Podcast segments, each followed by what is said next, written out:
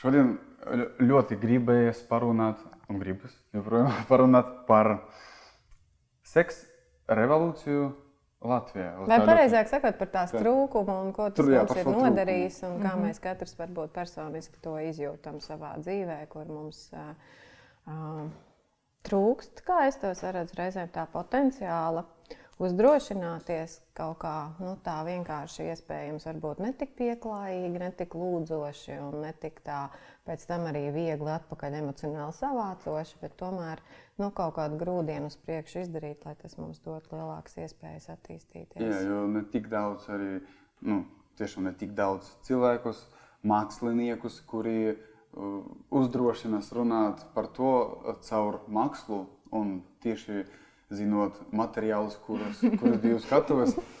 Revolucionāra gars iekšējais ir Jā. jūtams. Jā, man liekas, tur ir kaut kāda arī.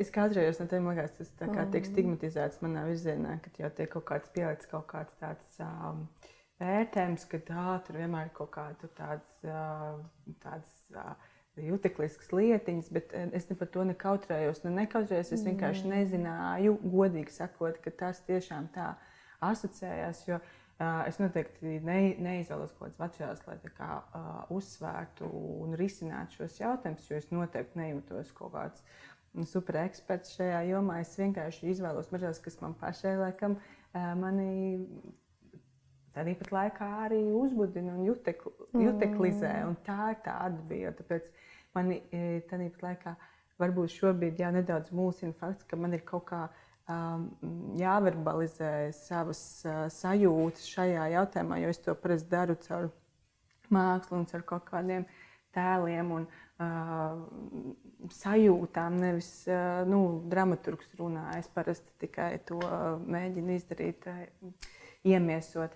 Bet mēs mēģinām šodien verbalizēt sajūtas par uh, šīm sajūtām, par uh, nepieciešamo ne, nenotikušo seksu revolūciju Latvijā, vai notiek šobrīd, varbūt kaut kur pagrīdē tas notiek, vai tumšās teātras zālītēs, vai privātās ballītēs. Bet uh, es piekrītu, ka uh, mēs nevaram runāt par kaut kādu. Uh, mēs neesam atbrīvojušies uh, at, atšķirībā no rietumu pasaules, kur tas notika pagājušā gadsimta vidū. Ja, un, Mm. Mēs esam bijuši vēl sasiet savos pagātnes uh, visādos uh, um, ticējumos, dievu vārdos un uh, visādās, uh, nezinu, no kurienes radušās pamācībās. Un, jā, ar to taisnību jā, es tāpat tās. Kā tu izjūti tīri personiski, nu, ņemot vērā, ka uh, grozies kā gribi, bet savā ziņā tu esi tā paudze, kura grib vai nē, bet ir spiesta saskarties kaut kā ar to uh, klusēšanu, kas ir bijusi pirms tam. Un varbūt arī jau skatoties uz, uz nākošajām paudzēm, uz tādu ļoti skaļu varbūt, runāšanu vai ļoti nu, tādu, nu, kā lai saka, reizēm pat varbūt ārkārtīgi agresīvu pašizpausmi, nu, ja mēs domājam tieši par, par seksualitāti kā tādu. Kā tu jūties pat personīgi tur pa vidu, raugoties uz, tomēr, uz, uz to pagātni, kā, kā tu esi augusi, attīstījusies, un kur tu esi, un kas ir tas izaicinājums, skatoties, ka nu, tur tādiem tīņiem un jau jauniešiem iespējams, kas, kas piemēram, dzīvo ļoti ciešā apskāvienu kultūrā, kas man, piemēram, skatoties, mm. ļoti bieži galīgi nav. Es noteikti arī esmu vēl tā paudze, kur tā nevar saprast, ar kuru cilvēku kurā brīdī apskauties, un es noteikti neesmu tā, kurā tā brīvi to izdara. Nu, vēl ir iekšā kaut kāds tas mulsums, ka tas vispār ir kaut kas, ko mēs te nedaram. Nu, tā ir viena nianses, ar kuru es to izjūtu. Mm -hmm. Kā tu to izjūti? To, tas ir bijis kaut kā tādā vienā Nu, vispār ir tā, ka es to izjūtu vēl kaut kā ļoti nu, kā savādāk. Tāpēc, ka eh, man uh, ir kā man, eh, ģimene, mēs esam latvieši, un tā tas ir, eh, ir tā, cik mēs zinām. bet, eh, bet man ir šausmīgi atšķirīgs temperaments, jo man arī ir šī ap, apskaušanās kultūra, kas man no vienas puses. Teiksim, mammas eh, puse ir tādi nu, mm. ļoti introverti cilvēki. un Viņi man netika tā kā mācīt un ieaudzināt, un savukārt tēvs ir ļoti, ļoti ekstraverts, un mēs abi esam tādi ģimenei, kam šausmīgi tas ir vajadzīgs un pietrūcis. Un mums vienmēr tas ir pamācis. Bet uh, man vajag to, to, to man nav problēmas jā, nu, pieskarties arī svešiem cilvēkiem, vai samīļot, vai, vai kaut kā. Man pat tas ir vajadzīgs līdz ar to, bet tas varbūt nav tik daudz par seksualitāti. Tad arī pat laikā varbūt arī pat uh, brīdī es neizslēdzu, ka es varu mūsināt ar savu fizisko uzstājību cilvēku šajos platumgrādos, un viņi to pārprot un uztver no manas puses kā kaut Kā kā kārtīgi seksuāli uzmā, uz, uzbrucošā taisno pie jurista. Tad citu es atceros, kad uh, studēju, ceturto kursu pusgadu Somijā, mm, Erasmus apmaiņas mm -hmm. programmā studēju, un tur viss vispār. Man liekas, ka no manis jau baidījās, jo man arī bija, es biju ļoti sirsnīga un gribējās mm. visus, tā kā, nezinu, nevis pat apkam, bet vienkārši izrunāties ar visiem.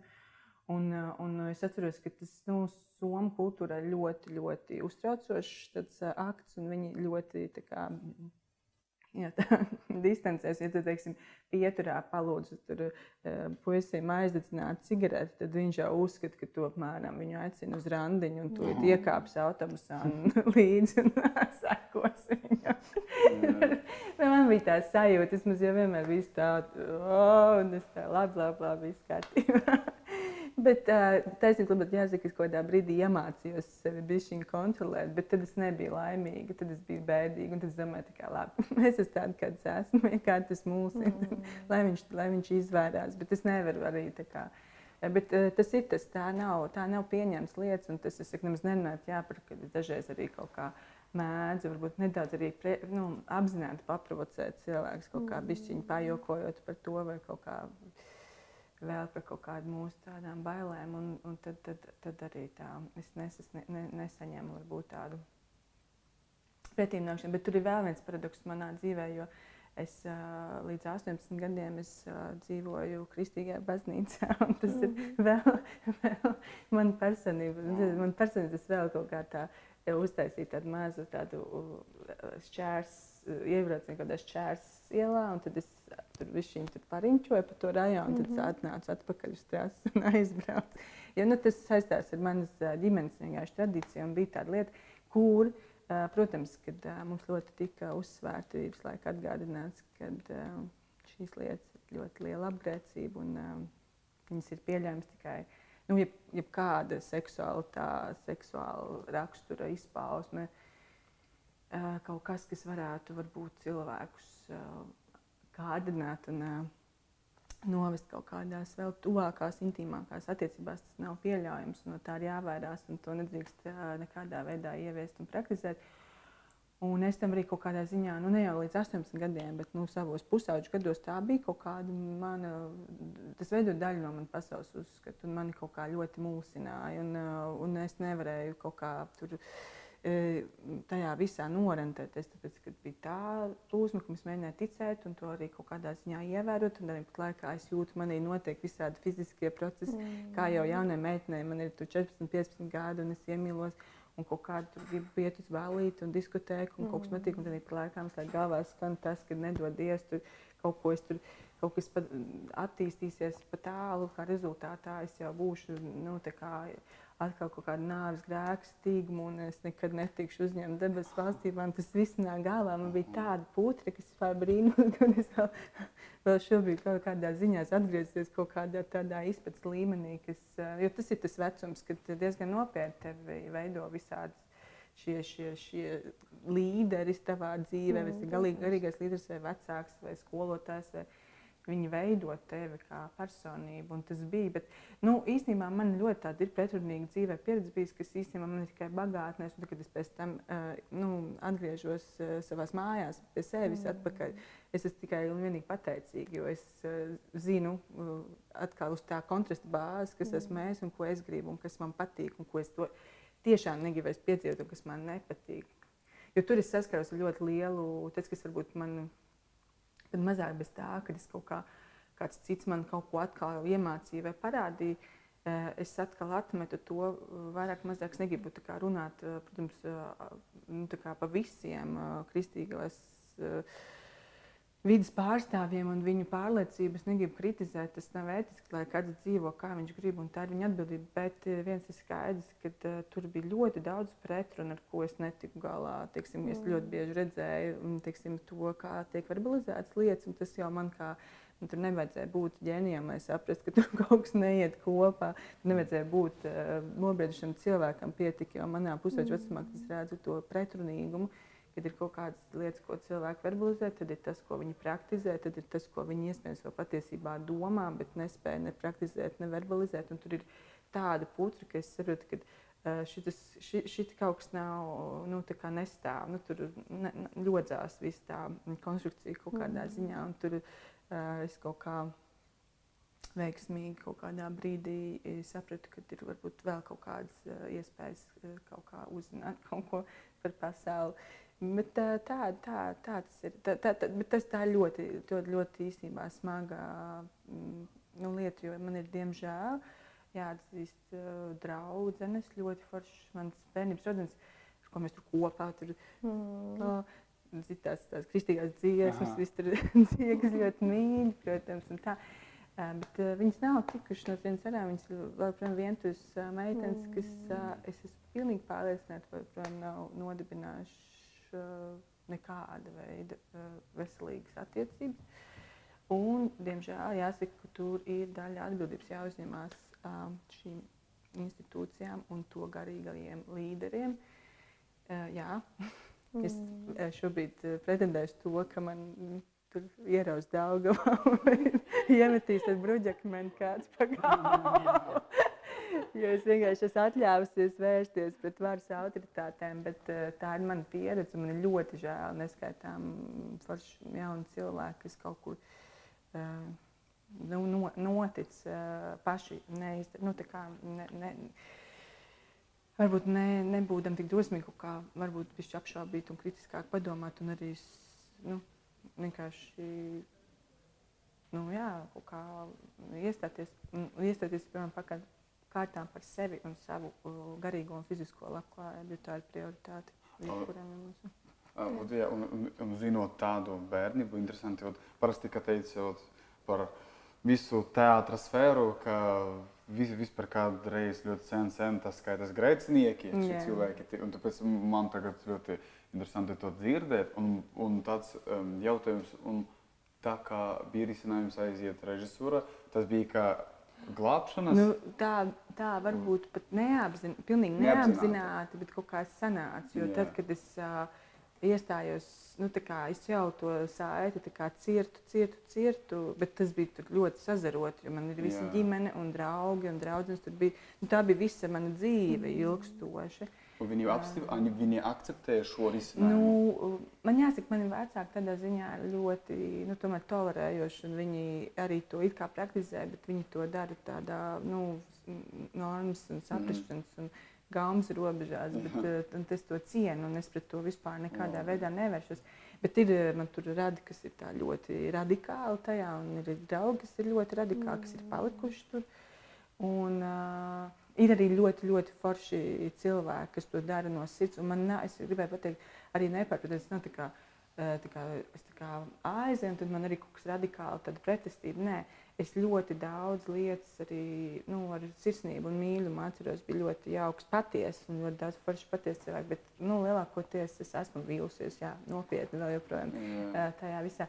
Bet ne par to, par, par to aiziešanu. Tad tas apzināti vai neapzināti notika tas, ka tu, protams, tu kaut kādā meklēju kaut kā, nu, iespējams, arī no tā izēju. Un, bet līdztekus tas svarīgākais bija, ka es tomēr atgriezos pie sevis un mēģināju būt uzticīgs sev un savām vajadzībām, kas ietver to, ka es neesmu tas cilvēks, kas var eh, tikt ieslēgts baznīcas pagrabā un mm. tur visu laiku ziņģēt uh, tos uh, nu, teiksim, dievu vārdus, bet es gribu dzīvot dzīvi, kas ietver šīs pasaules iepazīšanu no visiem tās mm -hmm. aspektiem, jo šī pasaule ir tik nu, groda, un te ir tik daudz vēl kaut kas cits, kas gribu visu redzēt, ne tikai to. Un tas, ne, un tas neietver to posmu. Tad man arī nebija tā klasiskā situācija, ka tu aizēji no baznīcas, un tad nākamais, ko tu dari, tev atrod kaut kādā tur apšaubāmā rakstura iestādījumā ar saplēstām zeķubiksēm, lūkās, tev ir izsmērējusies, un tu pīpē divas cigaretes vienlaicīgi. Nē, tas nebija arī. Diezgan labi, labs estētikas kods. nē, nē, es tikai es redzu klasiski, kas jā, jā, jā. pēc tam. Jā, jā, jā. Nē, tas arī nenotika. Tas bija vēl kaut kāds. Es pat kultūras akadēmijā, kad studēju, es pat ne, nu, ļoti, ļoti arī kārtīgi vēl tur mācījos. Prioritāte bija studijas. Bet, protams, kad man uzsprāga smadzenes, kad es 18 gados uh, lasīju, un es uzdevu lasīt Dostojevski vai lasīt, mm. nezinu, visus klasiķus, ko tur mēs nebija pirms tam darījis. Man šī literatūra bija pagājusi secen. Un tad tu lasi, un tu saproti, pats, bet pagaidi, taču pats tiešām, bet ir tā situācija, tu vari apsieties, no, nu, tā kā tu vari 360 apiet apkārt vienai situācijai, nevis tu skaties vienkārši par tādu mazu caurumiņu uz pasauli, un viss, kas tev pieredze, tāds viens mm -hmm. punktiņš, kur, nu, kurā tu koncentrējies, bet tu tā kā vari apiet tajā pasaulē apkārt, un tu zini, ah, nē, bet taču vari šā tā, un tas izstāst tā, un taču vēl viss kaut kā, un, un, un, un, un tas ir tas, ko kultūras akadēmija man iedē, un tikai vēlāk, nu, teātrī, varbūt jau, kad tu nonāc, tad tu tur uzpīpēs. Līdz tam es pat nepīpēju. Studijā, studijā laikā pat vispār. Nu, tā tas parasti, ja viņš visus tādus dzeršanas, pīpēšanas tur, tur, tur. Bet tas, tas bija tāds, pā, tas bija tāds plūstošs process, tas nebija tāds, nu, tāds uh, saraustīts, tāds melns, balts. Man tā nē, es tā pārplūdu no viena. Mēs jau parasti, man liekas, intuitīvi jūtam, kur ir mūsu glābšanās, pašsaglabāšanās, Jā. kāds tas attīstības ceļš, kas ir tāda normāla, dabiska cilvēka. Nu, jūtam, bet man ir jāatzīst arī nevienmēr, nu, baigi klausam. Es arī nereti mm. jūtu, bet es nezinu, kāpēc es gribu pierādīt, ka. Uh, Nu, tas ir vēl nākamā fāze. Mm. Tad vēlāk dzīvē bija tāds, ka tu jūti, un tu saproti, kā vajadzētu, bet tu gribi vēl pierādīt, ka ka tu vari izdomāt, varbūt labāk par to, ko tu jūti. Jo tu neusticies, ir viens arī. arī man liekas, trūkst drosmes. Tas, kas ir tas revolūcijas faktors, man liekas, trūkst tās drosmes nu, ļauties tādai iekšējai revolūcijai sacelties pret uh, noteikumiem, vai arī autoritātēm, vai arī kaut kādām ticībām un pārliecībām, kuras man ir attīstījušas mm. vienā veidā un kuras varbūt tagad ir ir nu, priekš manis jau buksējošas, stagnējošas. Es klausoties, ko tu runā, aizdomājos. Viens no, no diezgan daudzus gadus strādājot ar tieši šiem seksualitātes jautājumiem, viena tāda interesanta paradigma, kur, manuprāt, ir ārkārtīgi sāpīga savā ziņā, ir šis te, uh, pašatbildības trūkums. Kad es gaidu, ka man kāds ārēji pateiks, ko es drīkstu vai mm -hmm. ko es mhm. nedrīkstu. Kas mm. man vienmēr liekas tādā salīdzinājumā, piemēram, ar, um, nu, kas latviešu kultūrā arī ir, ir mazliet raksturīga, ka nauda ir kaut kas slikts. Mēs tā kā mm -hmm, kaut kādā veidā mums ir sarežģītas attiecības, un būtībā ar tādu seksuālo pašu, pašizpausmi arī, ka tas ir kaut kas tāds slikts.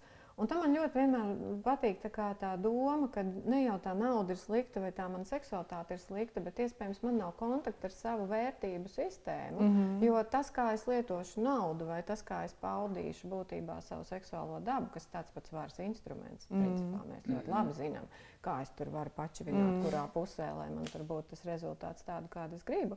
Nu, Tas, man liekas, ir tas, kur reliģijas kontekstā skatoties, mēs reizēm varam just, ka esam pazaudējuši atskaites punktu. Mm -hmm. Ka iespējams, ka kaut kādās dzīves niansēs mums nebūs neviens, kas no ārpuses atnāks un pateiks priekšā, kā man tagad, piemēram, to savu lūpu krāsu lietot uz mm -hmm. labo vai uz kreiso pusi, vai izmērēt šitā, vai tīrīt fiksi nost, un kur, un kur tas man vedīs. Tāds, uh... nu, tas jau nāk no visas izglītības sistēmas. Es pieņemu, ka tagad ir varbūt mainījies, bet es atceros skolā jau manā laikā mm. mūs jau neaicina kā, kā personību klases priekšā noformulēt savas domas par attiecīgo tematu. Viss man bērnība ir viena vienīgi atskaitīšanās par tikko iezubrīto, mm. iemācīto un tādā uh, nu, robotiņā vienkārši mm. at, at, atdot to mm. informāciju, kas nozīmē, ka to, nu, tas jau sākās ar tādām visvienkāršākajām lietām. Vai es saku, nezinu, arī reti, kurā ģimenē nu, te, tas bija tas laiks, nu, kā mēs visi tikām ļoti spartiski māt, nu, audzināti. Jā. Mēs arī ģimenē nu, ļoti nestoties uz manu tētu, brīvo to visu. Bet, uh, Un tas nav nekas slikts. Manā mamma tā tika audzināta, un manā mamma audzināja mūsu tā. Tas vienkārši tā ir pieredze, ko mēs dodam tālāk, jo mēs nezinām citu veidu. Vienkārši. Un tad ir tas, kad uh, mēs. Uh, nu, mums neprasa ģimenē, kā, nu, tagad, ko tu domā, bet mums kā bērniem no bērnības saka, ka nu, nerunā tik daudz, mm. tagad pieaugušie runā, vai nu, mums, ne, ne, nu, mums neļauj vispār noformulēties, jo bērns jau neko īsti mm. nezina, neko viņam tikai jāklausās, parasti nevis jā, jā, jāizpaužās. Un skolā tas pats, un līdz ar to, kā mēs varam 18 gados kaut ko revolucionēt, ja mēs neesam elementārās lietās spējīgi sevi reprezentēt. Mm. Nu, kā, mēs nezinām īstenībā, ko mēs domājam. Viss, ko mēs domājam, ir tas, ko domājuši daudz cilvēku pirms mums. Tas mm. ir tāds sagrābstīts. Nē, nu, ja tu, protams, ka mēs domājam, es arī lasu literatūru, un ja man simpatizē autora domas, tas veido manu pasaules uzskatu, bet pie tā es nonāku, jo man tas simpatizē. Es saprotu, ka man nevis es vienkārši a priori pieņemu, ka tas ir kaut kas, kas, kas ir nu, jālieto kā, kā, kā, kā mans pasaules uzskats. Tas ir tas, kāpēc man liekas, nav iespējama mūsu sabiedrībā. Mēs neesam tik nobrieduši, mēs neesam sagatavoti, mēs neesam no bērnības audzināti, kā, nu, veidot savu viedokli. Lai gan cilvēkiem vispār nav viedoklis, ļoti bieži ar to es arī saskaros. Uh, Nu, jā, tas ir svarīgi. Tas ir forši aiziet uz teātri, tas ir tāds sociāls akts, un tu, tu tāpat tās kaut kādu uh, sa, sa, satikšanās baudījumu, tu iz, iz, piedzīvo un tam līdzīgi. Tas jau arī nav, nav mazsvarīgi. Tas, ka kā, liekas brīžiem, ka cik nu, nespējīgs, kā, vai arī otrs variants, es arī ne, neizslēdzu, ka ir tas viedoklis, bet tiešām, kā tu saki, ir bail. Un ne, neuz, neuzdrīkstās viņu kom, nu, paust, jo vēl varbūt sastapties kaut kādu nesapratu no sava partnera vai no savas draudzenes, vai, nu, tā, vai tev tur, piemēram, tieši tu tur varbūt ārkārtīgi kaut kas bija juteklisks, un tev tas aizskāra, un, un, un tu nevari to pateikt mm. vienkārši, un tad tu runā visādas muļķības. Par, par... Man liekas, šis iekšējais konflikts, kur, kur cik daudz es būšu saglabāšu savu saikni ar likumību, ja es baigi brīvi paudīšu savu viedokli. Nu, ja es tiešām tā uh, droši uh, mēģināšu izteikt vārdos un aprakstīt, um, ko es no šī gribēju, varbūt kur tas neataisnoja manas expectācijas, ko es negribēju un tomēr saņēmu. Tas bija varbūt pat foršs pārsteigums. Un, un kas man, nu, ka man liekas, ka kā tu sajūti, piemēram, tieši šo balansu sevī, saglabāt šo likumisko latviešu nu, kas ir tomēr audzināšanas rezultāts savā ziņā, tikums, būt likumiskam, likumīgai, likumīgai sievietei, tā kā vispārībā nu, tas ir kāds kā... meitenes rotas. Jā, teikt. un brīvību, un brīvību, kaut vai arī tādu savu seksuālo brīvību, seksuālās pašizpausmes brīvību, un tomēr saglabāt to likumību, bet tomēr arī pamēģināt to brīvību. Teiksim, tā, man laikam nav būtiski kādam radīt iespēju par sevi kā likumīgu sievieti, jo es neuzskatu, ka es ne, nes, nevaru arī sevi ļoti konfrontēt, jo es arī nedaru neko tādu, kas, manuprāt, mm -hmm. pārsniedz kaut kādas gaumas robežas. Nu, kā vismaz mm -hmm. publiski es to nedaru. Nu, kā, nevienam, manuprāt, nevajadzētu uztraukties par to, mm ko es publiski vai bērnu acu priekšā daru, vai cilvēku ar jūtīgiem nerviem. Uh, priekšā daru. Es viņas nekādā veidā negribu satraukt, un es nenodarbojos ar nekādu veidu provokācijām. Un līdz ar to es domāju, ka man nevar pārmest neko tādu nu, anarchistisku pārāk. Cita Bet tad lieta. vai nesanāk, ka tas ierobežo tavu brīvību būt? Ah, labs jautājums. Tas gan, jā, es esmu audzināta tajā, ka uh, varbūt uh, man nav arī ļoti būtiski kaut kā tās skaļi propagandēt kaut kādas. Mm. Nu, ja neskaidrs, nu, no otras puses, tāda pretruna, jo es nodarbojos ar profesiju, kuras diezgan skaļi propagandēja kaut kādas viedokļas. Kaut kā man arī liekas, ka es, nu, tas nav kaut kas ļoti radikāls. Bet uh, ir pietiekami arī kaitinoši. Varbūt ļoti daudziem cilvēkiem to es arī apzinos, bet tāpēc es ne, nekad neeju uz savām izrādēm, nekad pazīties nesēžu zālē. Jo tas mm -hmm. draud ar to, ka man kaut ko tur aiz matiem. Zīmīši pados caur par rindām. Vispār es par to mīlestību pret zirgu domāju to to. Jā, jau zīmēs, tas, jā, tieši, tas arī tādā latviešu stilā iedod, kad viņi grib ar to savu roksumi varbūt iekrāmēt, bet viņi tikai pados zīmi. Tad mājās ies un dusmosies. Jo, jā, nu, jā, tas tā var būt, tas tā arī bijis kaut kādā ziņā, bet uh, man, nē, man, es nezinu, man neierobežo. Tāpat laikā es, uh, nu, es varēju teikt, man, tāpēc, ka man uzreiz asociēs, varbūt tas nepareizi, tomēr nolast to lietu, man uzreiz asociēs ar kaut kādu arī zinām tādu ekshibicionismu, kad cilvēkam patīk mm -hmm. nu, publiski kaut kā tā sevi mm -hmm. ļoti kaut kā izrādīt vai izrādīt savas jūtas vai nu, kā, nu, kaut. Um, mm -hmm. Es nezinu, vai par tām jūtām, kas ir apkamš, apkamšanās, bet kaut kāda seksuāla rakstura, būt simpātijas, savu partneri, viņam gribas publiski to tērēt.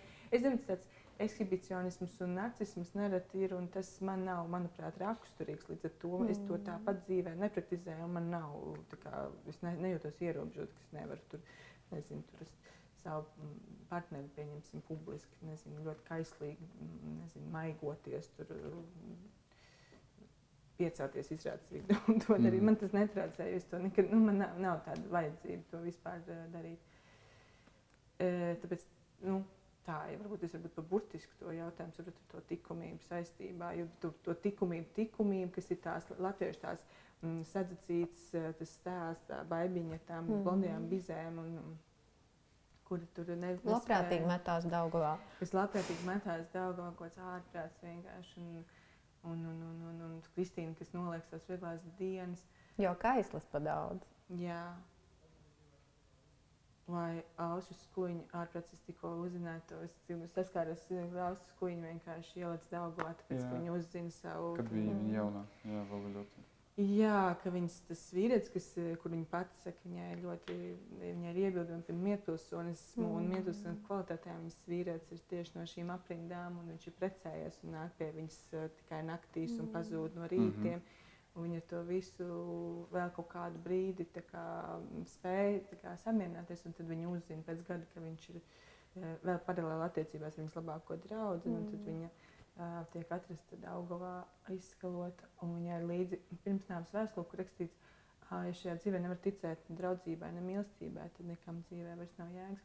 Un tas man liekas arī, nu, protams, stāsts par to, kā kaislība nu, nu, spēja sakaut visu. Nu, tāds, jaudīgākās, spēcīgākās personības.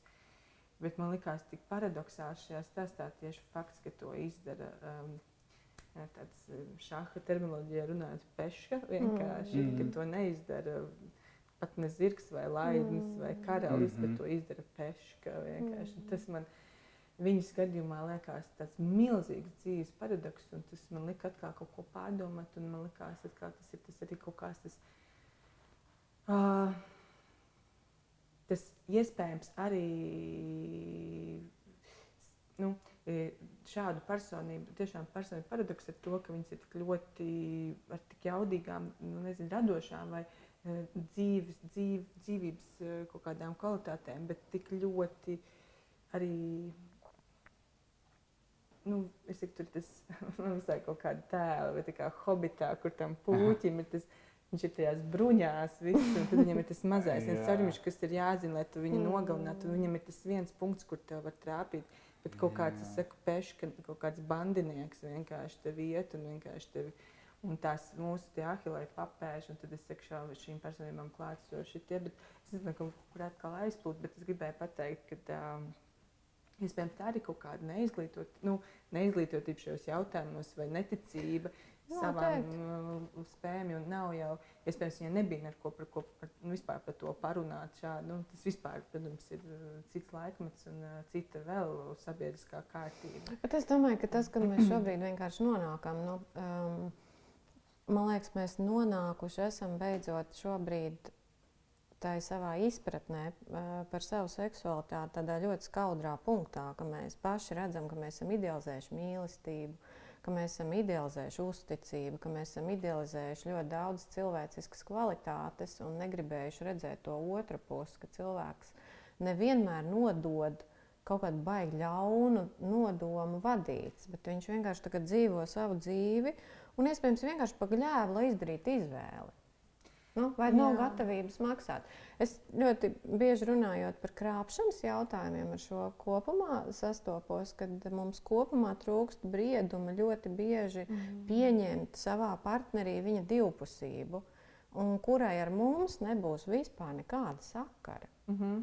Nu, tur ir kaut kāds limits tajā personībā, kurš tam nebūs nozīmes, ka viņš mani mīl pa mazu vai grib pa mazu. Un tad, ja tas būtu, tad noteikti būtu tas draugs, lojālais līdz dzīves galam, vai tur vēl, es nezinu, tas, mm. tā uzticības persona. Bet mēs šobrīd esam tādā skaudrā punktā, ka tās visas mūsu ilūzijas par cilvēka dabu, ka tikai tāpēc, ka mēs esam sarakstījuši nenormāli skaistus daļdarbus, pilnus ar idealizētām cilvēku dzīvēm vai ticējuši nu, visām tām pašām idealizētajām cilvēka kvalitātēm, kas nāk no reliģijas, mm. mūs pašus šobrīd ārkārtīgi nostāda tādā skaudrā punktā. Jā, un redz šausmīgs spriedzi, jums liek jāpiepilda šīs uh, nu, pret sevi vērstās ekspektācijas, kas ir, principā, ne, nu, viņas ir nepiepildāmas mm. bieži vien, un mēs tā kā sevi trencam tajā aplī. Uh, Jo uh, atkal jāatgriežas pie tās audzināšanas, jo es tiešām atceros, ka nu, tā ir arī, nu, jā, manas, mana personība ir veidojusi audzināšanu ļoti spēcīgā. Ko tagad, kā pieredzējis cilvēks, es, protams, saprotu, mm. bet tas nemaina faktu, ka es turpinu nu, praktizēt šīs lietas. Jo, pieņemsim, viena no lietām, manā vecā māte nāca no Latvijas, un viņa, principā, nu, tā kā vasarās man audzināja, nu, tā viņas ietekme manā personības veidošanā ļoti spēcīga. Un, nu, viņa vispār uzskatīja, es nezinu, es vispār nesapratu, ko nozīmē vīriešu vai attiecības, ka viņa man tā kā nu, labākais, ko viņa redzēja, man, varēja man iedot uz um, nu, pieaugšo dzīvē, ieejot, ir tas, ka ir um, iespējas ātrāk jāaprecas. Tas ir katras mm. sievietes rota un vispār mm. dzīves galvenais mērķis. Un, kā, un tas, kā, ja tu to esi izdarījis, tad tu jau esi, kā, tev viss jau, nu, tev vienalga pilni, un pilnīgi vienalga ar ko un kāpēc, un vai mm. tur ir mīlestība vai nav. Vai, nu, tas tiešām nav svarīgi. Svarīgākais ir šis akts, šis uh, jaunais sociālais status, mm. kas uh, viņas prāt atrisināja visas tavas dzīves problēmas. Un pat manās kāzās viņa nodarbojas ar to, ka viņa man māsīca, kas vēl nebija apprecējusies Vienkārši e, jau, jau ņēma aiz rokas un meklēja, kur kaut kāda, nezinu, jo kāzās parasti Latgalē notika tās nākamās jā. satikšanās. Jā. jā. jā. un tad manās kāzās viņi nodarbojas ar to, ka man bija māsītes vēl nebija tajā, tagad viņi ir laimīgi arī apprecējusies. Tad viņi vēl nebija, tad viņi uzskatīja, ka tagad vēl ātri jāpaspēj tas nokārtot, mm -hmm. un tad viss, tad viņai viss dzīvē ir nodarīts. Svarīgākais ir izdarīt. Un es par to varēju smieties, un es par to varēju dusmoties, un es par to varēju izkaitināties, bet viņi tiešām tā domā, nu viņi ļoti vienkārši cilvēks mm. tā, bet mm. kaut kur tu, viņi tev to trauksmi varēja arī radīt mm. ar to mm. faktu. Ne jau tā, ka eh, tas tā kā būtiski, bet es vienmēr atceros, ka viņu satiekot, tev bija kaut kāda vajadzība kaut kā nu, nokomunicēt, kāpēc tas ir vai nav, vai kāpēc tas tur būs vai nebūs. Nu, mm. Nu, tas bija viens, tas bija ļoti svarīgi. Un otrs, ko viņi tiešām, ar ko es vēl joprojām cīnos, ko, un tas varbūt arī tomēr atbildot uz tavu iepriekšējo jautājumu, ka to viņi arī man iemācīja. Kā, vienmēr, ka nekad, nekad nevienam nedrīkst parādīt, kā tu patiesībā jūties. Bet, Tas ir ļoti kaunpilni, ja tev tur, mm. uh, nezinu, tu tur kaut kā tur. Nu, vairāk tas atšķirās uz to, ka mēs kā bērni, mēs ar māsīti dzīvojam vasarās pie viņas, un tas bija vasarnīcās, un tur apkārt visi kaimiņi, un tad mēs tur bērni, nezinu, mums bija tur septiņi, astoņi gadi, un mēs nu, kaut ko sakašķējamies, tur ar māsītes, tur paplēšamies, un tad viņi, iet, iet iekšā, neviens lai necišķi Un kas tur ir tāds, ka bērns nu, kašķējas, tas kaut kas tur neiet, nu, kā, tas ir normāli. Nu, kā, mēs tur nu, vienkārši izrisinām savas bērnu lietas un skrienam tālāk. Nu, mums vienmēr dzina iekšā mājās, aizslēdz durvis, un tad viņi te, tagad jūs ātri varat izrunāties, tur izstrīdēties, un tad, kad jūs esat izstrīdēti, tad ejiet ārā, it kā nekas nebūtu mm. bijis. Un, tur, un mēs redzam iespēju visiem kaimiņiem, ka mums ir laimīgākā ģimene nu visā, visā tajā vasarnīcas korporatīvā. Mēs vienkārši esam vissmaidīgākie, jaukākie bērni. Un es nekad nesaprotu, kāpēc, ne, nu, kāpēc nedrīkst izrādīt. Nu, es jau ne, nekas jau nu, tāda dzīve. Nu, Un viņi to tā iedresēja, ka mēs vēlāk arī tādu bezmaz arī vienmēr, kad bija kaut kas, tas tika paslaucīts kaut kur zem uh, tepiķa mājās iekšā. Tur Un tad ir tie Pāri akmenim dziedādām. Jā, un tad ārā iziet uh, smaidīgs. Tad, tad tu saproti, ka, kur veidojās teiksim, vardarbība ģimenēs, vai kur ka tas ir par to, ka tu nevari, tā kā, tu neesi iemācījies risināt lietas. Normāli, tu vienkārši vienīgais, ko māki, ir iespējams ierādīt savu sievu mājās, viņai uzšaut, un tad uh, es iz, iz, iz, izlādējies, un tad tu vari iet ārā un smaidīt un rādīt visiem mm, jūsu perfekto ģimenes bildi. un Tā ir audzināšana. jo tā vis- Un tad, kad tu dažreiz, protams, pakustini, šobrīd arī jau kā pieaugušs cilvēks, es eh, pagājušajā nedēļā man bija klases biedra, tā kā tāda sali, nu, ne sali, nu, mēs tā, tā privāti satikāmies. Protams, ka arī visi, kas mēs tur bijām, nu, visi, visi kaut kam ir gājuši cauri, visi daudziem visādi attiecību modeļi mainījušies, un tur, nezinu, tur darbi un tā. Bet, protams, ka tas pirmais ir radīt to ideālo iespēju. Mm. Tad ir viens brīdis, kad viss tā kā, nē, nu labi, nu kā tad pa īstam iet, un tad arī godīgi es saku, nē, nu visā, nu tur tā un tā. Ah, nu, ja tā un tā, tad es arī gribēju izstāstīt, man jau ir tur tā. Ah, ah, jā. Un tad ir viens, kas to salauž, Jā. un tad pārējie tā kā arī. Un vecāmē tas ir pišķiņ nu, tā kā par seksu runājot, vienkārši kontekstā, es domāju, kas ir tāda e, šausmīgi foršākā lieta, ko es varētu par to pateikt. Un es atceros, kā man vecāmē vienkārši, kas es saku, ir tāda ļoti vienkārša Latgal, lat, no Latgales nākusi sieviete. Un, uh, un viņa, Viņai bija četri bērni, bet uh, vecais tāds bija superīgs. Bet, nu, protams, tas vispār mēs nekad dzīvē par šīm lietām nerunājam kādā formā. Bet uh, tad man bija kaut kādi 22, un tad viņa vai pat vairāk, ko 25, pie viņas aizgāja ciemos. tad Es nesaprotu, viņa pati gribēja, bet viņa bija tāda ļoti kaislīga. sieviete. Tas bija pilnīgi skaidrs, ka es atceros, tur viņa arī tur, kā viņa varētu tur izpausties. Bet, bet tad viņa at, uh, kaut kā, es nesaprotu, kāpēc mēs, es nezinu, es nevaru atbildēt, kāpēc mēs par seksu runājam, un mēs nerunājam par to, un mēs vispār nerunājam par seksu, bet viņa vienkārši mm. noriktēja, viņa teica, "Nē, nu, ko tad tas seks, seks, nu, tas jau kas tas ir, nu, sanāk kopā un taisa to joku. tā izpratne par to. Viņas izpratne, nu, tas ir tas, es domāju, nu, kā vēl šarmantāk to aprakstīt. Vienkārši cilvēks vienkārši pasaka, kā tas nav, tā nav kaislība, tāpat nav bērnu ieņemšana. Tas ir kaut kāds tā kā joks, tā kā sanāk kopā un taisa to joku. Kas būtībā ļoti bieži ir arī tas, kāpēc tā seksuālā kultūra partnerattiecībās nestrādā, ka viņi nav vairs fanī. Viņi tur nevienam vairs nav interesanti. Tur ir viens vienīgs stress par performanci, par to, ka Vai es kaut ne? ko neizdarīšu, par to, ka caur to man kāds atklās, man Jā. kāds ieraudzīs ne tādu, kā es gribētu. Un... Nu, lai tā kā tā ir zināmā mērā, viņai taisnība, ka uz to jāstāsta ir viegli. Mm. Bet tad pat laikā tas ir arī bijis tas līmenis, ko tu saki. Kad, Uh, nu, kad pat uh, seksu mēdz runāt, tad viss tā kā muļķīgi piesargs un ķiķina tādā muļķīgā tonī un, mm. un sauc tos tiešām tur dzimuma orgānus visādos tur uh, dzīvnieciņu vārdos. Dzīvnieciņi ar santehniku satiekās un nav ko un darīt. joki kopā. notiek. Es saprotu, kāpēc viens ir augsts un stīvs, un otrs bezpalīdzīgs. Uh, Gribas vēl tā pajautāt caur, caur šo uh, profesiju.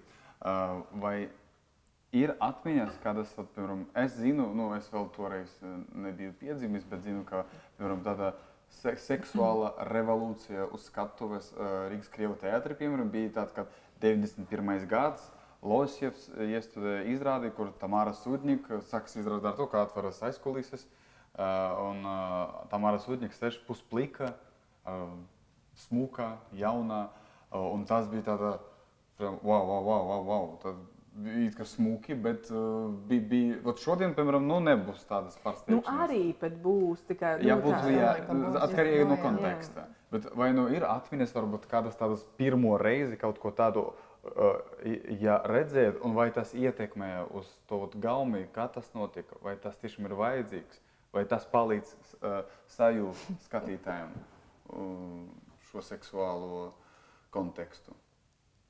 Nu, zini, es, es ļoti labs jautājums, bet es tiešām neatceros, kad es pirmo reizi Latvijas teātrī esmu.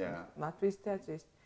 Uh, jo nu, manā bērnībā, kur es nu, man veda uz uh, dēls teātri, man veda uz Nacionālo, un tad uh, mm, uh, di- nodibinājās jaunais Rīgas teātris. un Tad uh, ļoti daudz uh, tiešām tām pirmajām izrādēm gāja jaunu Rīgas teātri, bet jaunam Rīgas teātrim nekad nav raksturīgs šāds ārējais ka ekshibicionisms. nebija. Nebija. Jā, jā. Un dēlē tas bija, tie bija 90. arī nekas nebija. Un nacionāli tiešām neatceros vairāk, tad laikam tad kaut kad tieši kad es pati sāku strādāt, tad tas, kas, mm -hmm. tas Mhm. ko citi režisori, nu, tad tas tajā brīdī Jā. kaut kā atnāca vaļā atkal uz to. Bet, bet nu, vairāk, protams, kino, es domāju, tas, bet, jā, latviešu teātris. Latviešu teātris jau, oh, nu jā, mēs tā kā nu, bez kaut kāda paša, ir arī kaut kāds pašmērķīgais gals, ļoti bijis un kārdinājis daudz, varbūt kaut kā arī mēs esam padošies, bet mēģinājām tomēr to darīt kā tikai, nu, pamatojoties uz tā nepieciešamību.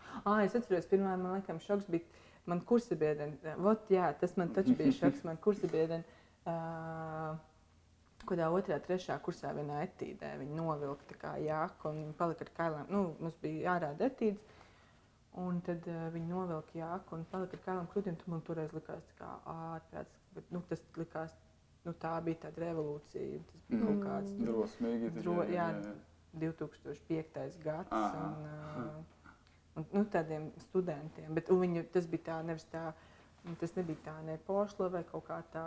Uh, kaut kā tā arī ar pretenziju. Tas bija ļoti organiski un ļoti seksuāli. Tas bija, tas bija ļoti skaisti arī un tā iespaidīgi. jā. Jā, jā, jā. Un tad man tas toreiz, es sapratu, ka tas ir nu, tiešām tāds uh, drosmīgs un un pamatots uh, gājiens. Tas man, to es atceros spilgt, jā. Es starp citu interesanti, nu, man patīk, ka jūs izmantojat šo vārdu pošlis. Mums bija viena no pirmajām sarunām. bija tas šī saruna, un mēs pa gandrīz sakam strīdēties, tāpēc, ka, nu, jā, tā- tāpēc, ka es saku runāt vispār, pošli, latviski, blin. Mēs nevarējām pārtulkot. Par to- Mums sākās pirmā diskusija par to, ka kas ir pošlī seks.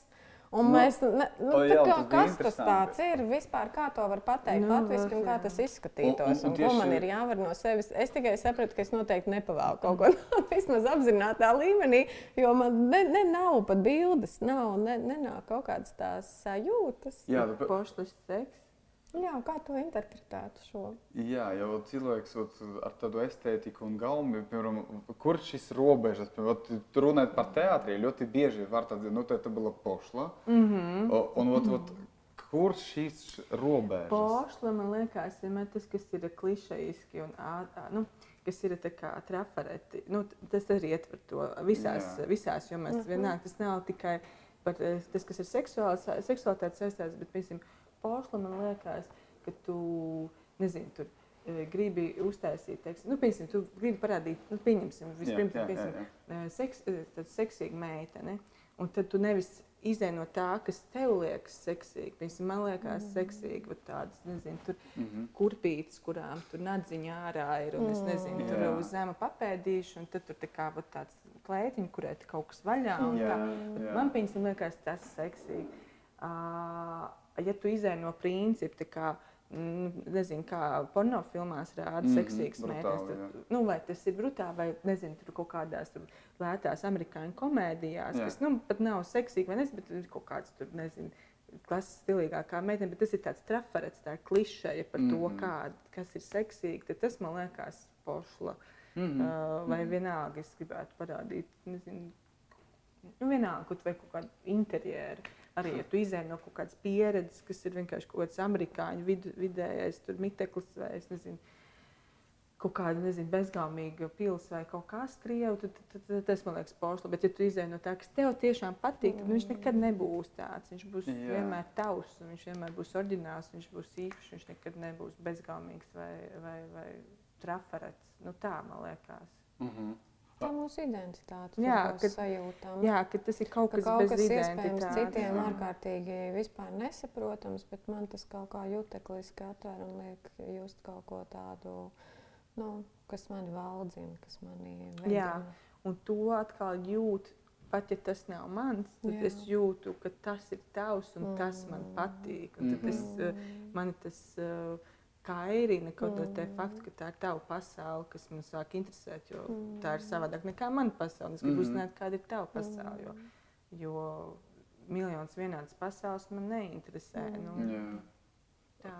Vēl gribu jums uzdot jautājumu. Tā kā es zinu, ka eh, bija darbs apņotāja, brīnišķīgs materiāls, revolucionārs. Uh, un, kā es sapratu, tur uh, bija tā, ka Kristīne, kā konsultants, palīdzēja. Jā, jā, jā. Bija brīnišķīga pieredze. Jā, paldies tev par to. Ot, jā, un, un es arī, to sadzirdu, es domāju, nu, jā, jo es labprāt arī tā gribētu. Ja, piemēram, mums būtu kāda izrāde, kur būtu ot, atklātas tādas tēmas, nu, kur, kurās jābūt drošs, kā aktieris, dro, drosmīgs. Un, un šeit, piemēram, es tā padomāju, tas vispār, nu, jā, piemēram, katrā, nu, piemēram, teātrī ir tā, piemēram, ja, tas ir dejošanas izrāde, būs dejošanas pasniedzējs, ja ir dziedošanas, tad, mm. šeit tiešām, ja ir tāda tēma, bija uh, konsultants. Un kā tas tiešām, ot, uh, ot, tu cilvēks, kurš atnāca teātrī, redzot aktierus, ka vienmēr visiem liekas, ka aktieris, nu, viņš var visu, viņš, tipa, nu, viņš drosmīgs, bet aktieri arī ir cilvēki. Un cik, ot, un, jūs kā režisors un tu kā speciālists bija tāda redzamība, ja tā drīkst pateikt latviski, uh, redzamā at, um, atšķirība sākumā un beigas. Ka tas tiešām, jo, jo man gribas saprast, cik tieši tas palīdz, kā atnāca speciālists, kurš ko tur tu stāstīji viņam. Ja man ļoti interesanti, ja nu, tā, manis tur nebija, bet tagad gribu izmantot šo iespēju uzzināt. Bija baigi, ka es pirms eh, Kristīna saka, mums ļoti tas nomierināja. Jo tiešām visi bija satraukušies kaut kādā ziņā, jo tas provokatīvi tiešām ļoti daudz lietas tur ir. Viņas jau balansē uz tādas ne, nu, atklātas arī neveselības, un mēs nevaram saprast, kā, kā, kā to parādīt tā, lai, lai mēs nododam visprecīzāk to vēstījumu. Lai nebūtu pošla arī. arī lai nebūtu pošla, bet lai mēs nodotu to vēstījumu, kādam viņam ir jābūt. Jā, Nevis jā, vienkārši jā. Nu, atradam kaut kādus neviselīgus modeļus, kas, mm -hmm. nu, priekš kam to darīt. Jā.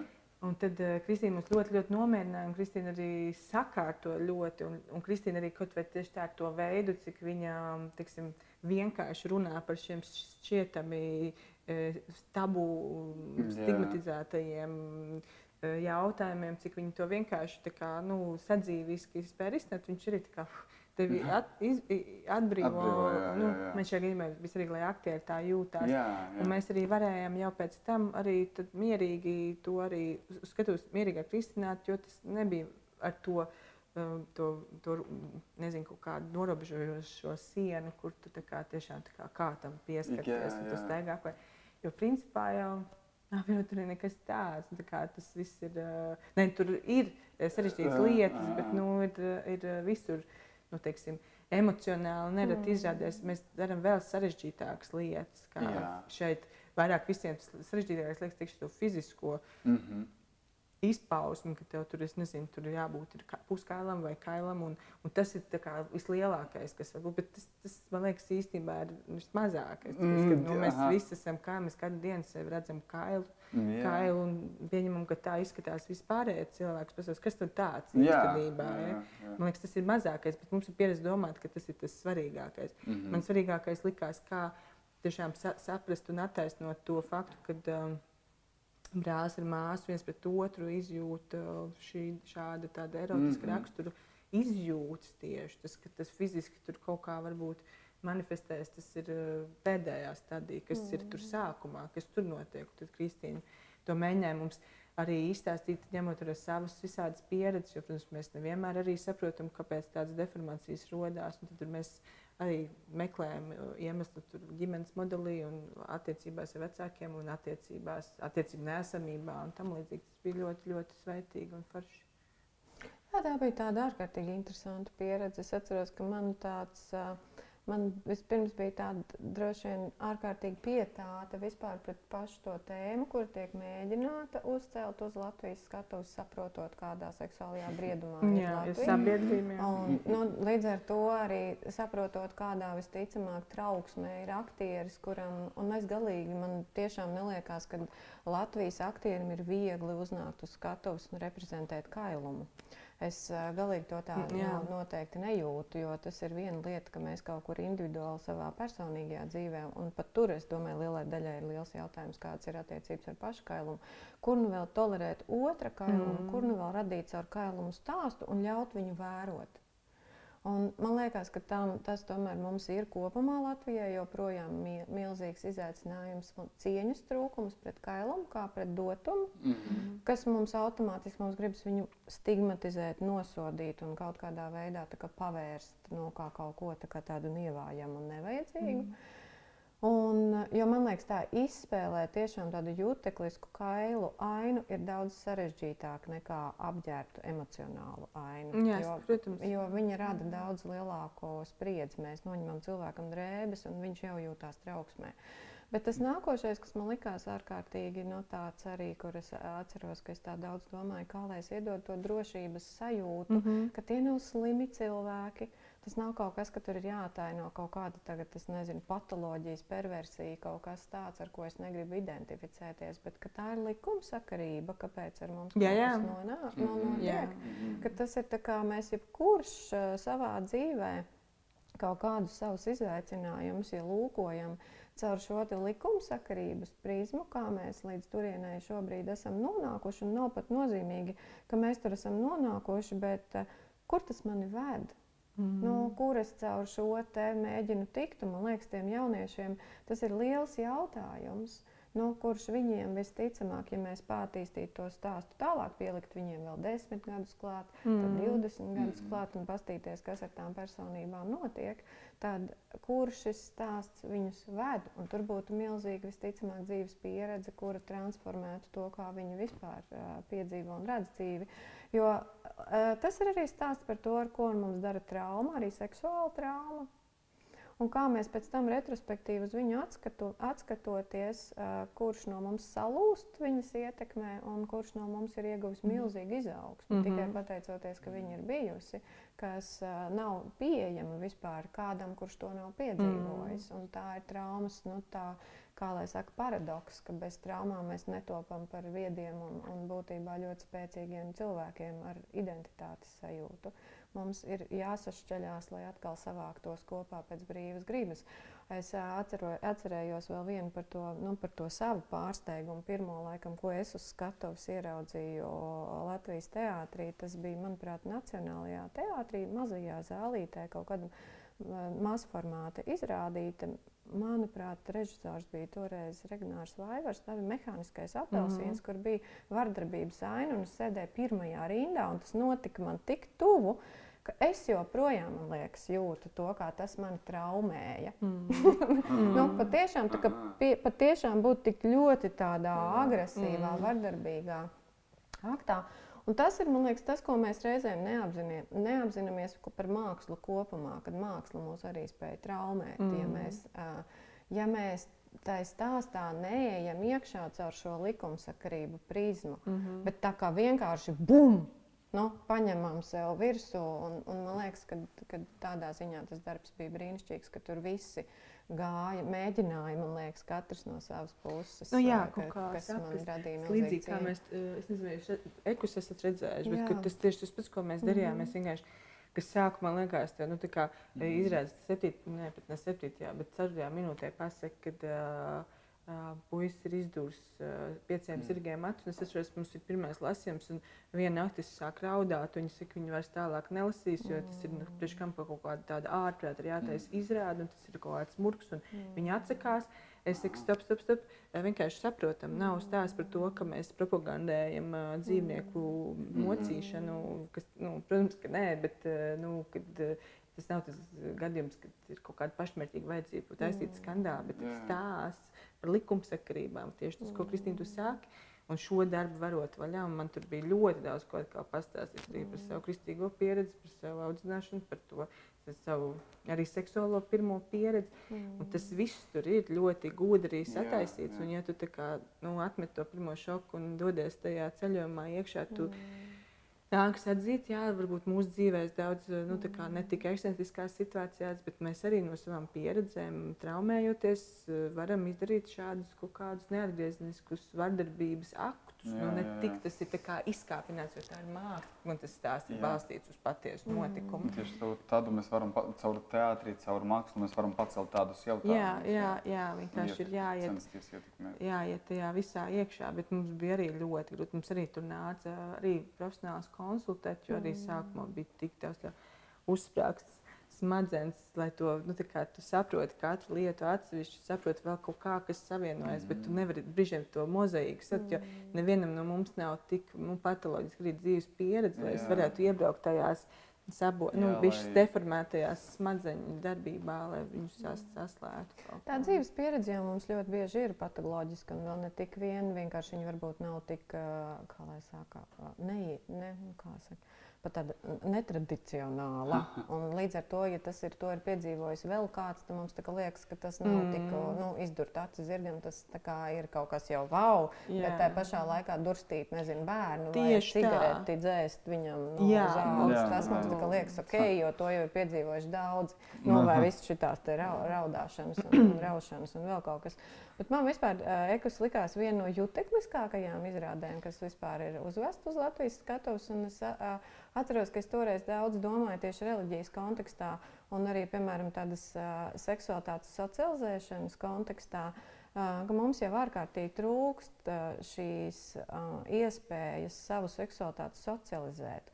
Un socializēt nozīmē rādīt un tikt redzētam, liecinātam. Mm. Nu, kas man liekas, tur brīnišķīgi parādās, cik paniskas bailes man var būt, ja kāds liecina manu kaislību mm. un viņa neatbilst kaut kādām klišajām Jā, normām vai jā. nu, kaut kam, ko mēs esam ielikuši kaut kādā postulātā, ka tā drīkst un šādi savukārt nedrīkst. Un tas man liekas, tur tik spēcīgi, nu, nu, tā, nu, tiešām tik brīnišķīgi bija bija pārdzīvojams un izdzīvojams tieši šīs cilvēciskās eksistenciālās ilgas, un tā pašā laikā tādas paniskas bailes no liecināšanas kā fenomena, kas mm. vienīgais nodrošina mūsu nu, tādas sociālas būtnes, nu, būtībā psihisko veselību. Kā, Nu, tas ir ka, lai cik es jocīga nebūtu, es esmu pieņemta, nu, kas ir tas beznosacījums, uz ko kristietība it kā pretendē, bet kuru pati viņam vismazāk reizēm Vai ne? Vai ne? Šis ir vislabākais tieši tā. Es saku, ja jau man neļāva pat ar māsīcu pakašķēties par, es nezinu, mantiņu pagalmā, mm. jo tas bija aizliegts. Ja to nedrīkstēja mm. neviens redzēt, tad kā mēs varam runāt par vēl kaut Nu, kādu labi, cilvēki tā nedara. Protams. Viņa vienkārši uzdāvina trešajam. Jā. Un, lai to redz pēc iespējas vairāk Jā, cilvēku. nu, liecina no labdarības aktu, to Jā, labās jā. gribas aktu, kā es bez nosacījuma dalos. Mājās tu tur var darīt, ko tu gribi. Tas pilnīgi nevienu neinteresē, Mm. bet publiski. Jā. Tā šausmīgā vajadzība. Es arī mm, pagājušajā runāju ar savu draugu. Viņa teica, mm, kad, eh, kad eh, mēs tur aizdomājamies par vecākiem, arī par vecāku attiecību modeļiem. Nu, tā citu starpā. Viņa Jā. teica arī, kad, kad māma arī saka, ka uh, tur kaut ko vajadzēja varbūt mainīt dzīvē. Bet, bet uh, man draudzene saka, bet viņai ir tik svarīgi viss dzīve bijis, ko cilvēki par viņu padomās. Ka viņi nekad nav varējuši neko mainīt mm. savā dzīvē. Un tas liekas tāds paradoks, bet tā ir tava dzīve. Tev tad ir viena. Varbūt vēl kāda būs, ja mēs ticam mm. reinkarnācijas teorijai. Bet principā tagad tev ir dota vesela dzīve. Un tu viņu nelieto tikai tāpēc, ka tev ir svarīgi, ko nezinu, Maksims par mani padomās. Mm. Nu, nē, es, man patīk, es gribētu, lai viņš par mani labi domā, bet principā man svarīgāk ir mana dzīve, nevis tas, ko viņš par mani padomā. Un tad, kad es dzirdu šo tevu, man liekas, ka es nenoliekšu arī daļai. Katrā no mūsu, mums ir šīs bailes, bet principā tas ir lielākais absurds, tāpēc, ka tā ir runā par dārgāko, kas tev ir, un tu to liec viszemākajā vietā. Tu par savu dzīvi augstāk liec visu kaut ko citu. Jā, un Tas ir jā. Bet tā ir tā mūsu sociālā daba, tā ir tā cilvēciskā neizbēgamība. Mēs tomēr esam uh, radība, kura piepilda savu dzīvi caur piederību, tikpat cik caur autonomiju un šī vajadzība paiet no viņas malā, pajust sevi, kas, varprā, manuprāt, ir mūsdienu laikmeta kults. Es un mana individualitāte, bet mana individualitāte jau nebūs neko vērta, ja es nekur ar viņu nespēšu, nu, caur viņu Mm. socializēties. Un, manuprāt, tas tāds liels izaicinājums ir, kur es kultivēju to savu individualitāti un arī to savu individuālo dzīvi, bet tomēr vecumdienās mēs visi nomirstam viseksistenciālākajās skumjās par to, ka nebija pat viens cilvēks, kuram es atļāvos piederēt un ziedot kaut ko tā vārdā. Tā kā, man liekas, tur ir tā cilvēka dzīves neizbēgamība, lai cik sāpīgi tas nebūtu, kaut kur mums tomēr no sevis ir kaut kādos aspektos jāatsakās tīri šīs otras pieredzes dēļ, un to mēs varam novērot. Tā ir sāpīga pieredze. Es teiktu, tīpaši tad, kad runa iet par tādu savu arī seksuālo brīvību un savu piedzīvošanu. Tiklīdz mēs skaram attiecības, tā ir atteikšanās mūža garumā. Nu, ja mēs tā ņemam, Oh. piemēram, kaut vai monogāmās attiecības, kā kaut kādu to vadlīnija, tad tas būtībā ir sēras dzīves garumā. Es nevarēšu to, nepiedzīvošu to, arī tas man nebūs, un šis man nebūs, un man ir tāds limits, un citam ir tāds limits, un mūsu savienībā būs iespējams tikai tas, bet iespējams es ilgošos pēc tā, un vai es to spēšu izturēt. Un vai es spēšu, kas man liekas ļoti, mēs, mēs dažas dienas atpakaļ braucām ar vienu citu brīnišķīgu Latvijas režisoru Govā automašīnā mājās. Un, Un, uh, es vairs neatceros, kādā kontekstā, bet aizminājāmies par to, kad, uh, cik būtiski ir novērtēt to, kas mums ir. Bet ej, tu novērtē to, kas tev ir, tad, kad tu tik drausmīgi ilgojies pēc kaut kā, kā tev nav. Nu, jā, jā, nu, tas ir tā kā, tā kā tas man liekas, ir tāds, uh, tā nezinu, ko vēl mēs varētu tādu krūtāku kā cilvēciskas putnas izdarīt, kā mūžam kaut kas pēt, neaizbraukt vienā grāvī, nu tā kā bišķiņ jau pa tālu. Nu, man liekas, ka tas ir. Mēs arī runājam par briedumu, un briedums ietver to, ka tu diezgan labi sāc apzināties, ko tu gribi. Mm. Un tu to, ko tu gribi, eh, tu mēģini to realizēt. Un tu neskumsti par to, ko tu negribi. Jo tu nevari vienlaicīgi gribēt pretrunīgas lietas. Nu, man liekas, ka tas tā tam vajag. Ārkārtīgi interesanti šo dzirdēt no radoša cilvēka. Mm. Man, piemēram, liekas, ka mm, tas, kā es to piedzīvoju, uh, ar to gribēšanu, ko es daudz esmu domājis. Es gribu tik sasodīti daudz, tas vienkārši neietilpst manā laika nogriezienī. Kā tu izjūti to, nu, kā radoša personība, kā personība, kur tiešām arī lielā amplitūdā rada?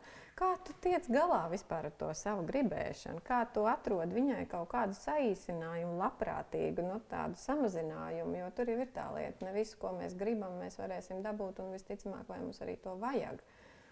Nu, es nezinu, es saku, man liekas, tas saistīts ar kaut kādu briedumu. Es arī ilgi, es pat mm. biju periods, kad es visu gribēju. Tad bija periods, kad es vairs nezināju, vispār, ko es gribu. Man liekas, ka es gribu, bet īstenībā es to negribēju. Tad es gribēju kaut ko tādu, ko tad, kad es dabūju, es vairs negribēju. Mm -hmm. Arī tas viss notiek. Un tagad es uh, kļūstu, nu, nu tā kā tāds parādās, tas visam tam izgājis cauri, atmetis, liekoju, tā arī apzināties, apmēram kāds mehānisms strādā. Uh, Un viņš ir īstenībā ļoti radošs. Tas ir ļoti radošs process, kad tu nodefinē, ko tu gribi un sāc viņu nu, piedzīvot. Mm -hmm. Tas ir mhm. ļoti interesants, radošs process. Viņš ir tāds mistisks, mistisks arī nedaudz, varbūt arī ļoti fizikā balstīts, elementārs. Nezinu, kādā ziņā man pieredze tāda, ka šobrīd arī mazāk, mans saīsinājums veidojas tajā, ka netaisīt 17 apkārtceļus, nodefinēt vienu. Mm -hmm uh, un, un, un to realizēt. Bet tiešām nu, kā, tur ir jāizšķir. Jo viens ir tas, kas tev nu, liekas, ka ir ļoti daudz lietas, kas mums liekas, ka mēs mm. gribam. Un tas ir briesmīgi, tāpēc, ka uh, dažreiz es, tā, nu, es tā nesaprotu, kāpēc tāda pretestība ir kaut kādām lietām, ka man nesnāk. Bet, ja es tiešām uh, sagribu to, kas ļoti, ļoti rezonē manī, un īstenībā diezgan vienkārši to mm. piedzīvot, bet uh, tas trakākais, ka nereti arī tā, ka ir kaut kādas vēl piedomātas lietas, kas atkal man nav vajadzīgas. Tur visā tur ir vajag daudz mehānismu. Bet tā man nav vairs tā. Nu, Mēs jau mainamies. Nav vairs tā sajūta, kā bērnībā salduma veikalā, ka tu gribi visus konfektus. Mm. Man nav vairs tas, man nav tāds izsalkums. Es esmu ļoti daudz attēdusies, sauksim tā, šo saldumus visādi mm. dzīvē, ka man neprasās vairs nu, pretrunīgi tvarstīties uz visām pusēm. Es diezgan apzināti. Un, un, ja tu prasi, kā es kā radošs cilvēks, nu, no otras puses, arī kā radošs cilvēks, nekad dzīvē nevarētu realizēt visas tās lietas, ko es esmu izdarījis, ja man nebūtu diezgan stingra griba un mm. saprāšana par to, ko es vēlos. Jo šie lielie projekti, viņi jau mm. tieši balstās uz to, ka tu ļoti konkrēti zini, un tu negribi vienlaicīgi uztaisīt labu izrādi un vienlaicīgi sliktu izrādi. Tu gribi uztaisīt, labi, tas tāds brutāls piemērs, bet tu negribi vienlaicīgi interpretēt šo tēlu kā, nezinu, tur, nezinu, ļoti dāsnu cilvēku un vienlaicīgi ļoti, ne, nu, ir arī katrā no mums ļoti daudz pretrunu, bet tu, nu, tu zini mērķi un tas ir par to gribu un tev jāre, jā, jārealizē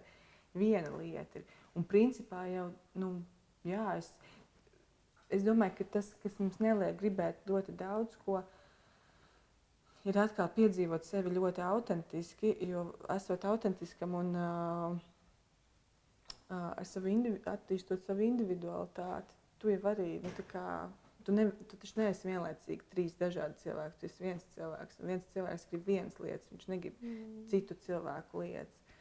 Bet man tā svaidīšanās ir bijusi saistīta ar to, ka, kad es vēl nevaru, kā, man ir bijis vecums, nu, vai tu, tas pats pusauģis vecums, tu neesi vēl sevi nodefinējis, un tad tev draudzene grib studēt biologus, un tu arī gribi studēt biologus, bet īstenībā jau tu negribi, un tad tev citi draudzene, un tad tu tā te mētēs, un vienlaicīgi gribi pretrunīgas lietas, gribi studēt un nestudēt, un, un būt mākslā, un būt, nezinu, iestrādāt nu, vai vienalga, vai kaut kādās attiecībās. Nu, kā, nu, bet, uh, tu jau, ja tu pat esi tu, tad tu zini, kad, uh, kāda biologa, kāda tur, kādā tur strādāt. Nē, tu gribi iet uz kursu akadēmiju un studēt režisorus. Mm. Tā, tā ir tava identitāte. Nu, tā man liekas. Tāpēc tu, nu, tagad es saku, vien, bet es neizslēdzu. Es ar dažreiz, protams, aizmirstos un uh, tādā, es saku, uztaisīju, es to tagad saucu par tādām vienkārši liekvārdību un liekām kustībām, ka tu vari aiziet, es nezinu, tev vajagot. Man tagad vajag uz centru aizbraukt, tad es izbraukšu vēl caur jūru. Nu, tikai tu uztaisīji kaut kādu lieku apli, bet, nu, ja tev gribās, ja tev ir laiks un uh, ir labs laiks un tev ir nauda taksim, tad vizinies. Vienkārši nav kur jāsteidzas. Kāpēc? Lai tas Valdi impuls. Gribu to, gribu šito. Bet tad nesūdzies, ka kaut ko tur arī nepaspēja vai kaut kas pa vēlu. Vai... Bet tas ir tāds, ka tā, man liekas, gudri cilvēki, tas ir tas, ko es mācos, būt gudram cilvēkam, tādam apzinātam, ka tu ātri, nu, visas lietas ātrāk izdari. Nevis tā kā ātri, bet vienkārši nu, izgriezt tās nevajadzīgās pauzes. Tas savā ziņā nesarežģīt to, ko var nesarežģīt, izdarīt to vienkāršāk. Jo, Nu, un par tiem radošiem cilvēkiem, zin, tā jau arī tāda, nu, man tā liekas, nereti ir nedaudz tāda klišai par to, cik viss tad sa, sapiņķerējušies, apjukuši un, nezinu, mm. uh, savās skaistībās sapinušies. Un, uh, jā, viennozīmīgi tā ir kaut kāda daļa, bet man interesantāk liekas nevis kalpot šīm savām emocionālajām mm. svārstībām, bet viņas uh, at, atvērt vaļā un uh, attīrīt savu telpu. Jo es gribu būt veiksmīgs cilvēks, mm. es gribu būt uh, vesels cilvēks, mm. es gribu būt harmonisks cilvēks. Mm. Uh, ar visu to, ka mākslā mēs tur nekad tādi īsti nebūsim, bet ar to, ka arī ir arī tajā diskā, tajās visās. Uh, tektoniskajās svārstībās ir iespējams sava veida forša harmonija. Tu vari arī forši viņās šūpoties, nesajukdams prātā. Es par tādu harmoniju runāju. Es nerunāju par to, ka es nezinu, nodarbojos tikai ar kaut kādām garīgām praksēm un nedzīvoju īsto dzīvi.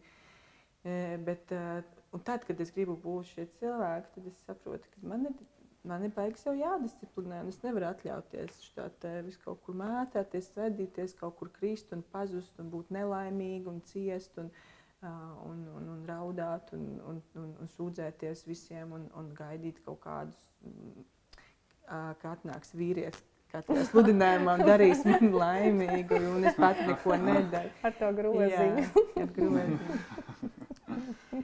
Bet tās ir arī šīs dzimuma klišejas, kas man reizēm liekas, joprojām viņas liekas tik arhaiskas, bet viņas joprojām tik ārkārtīgi spēcīgi mūs ietekmē.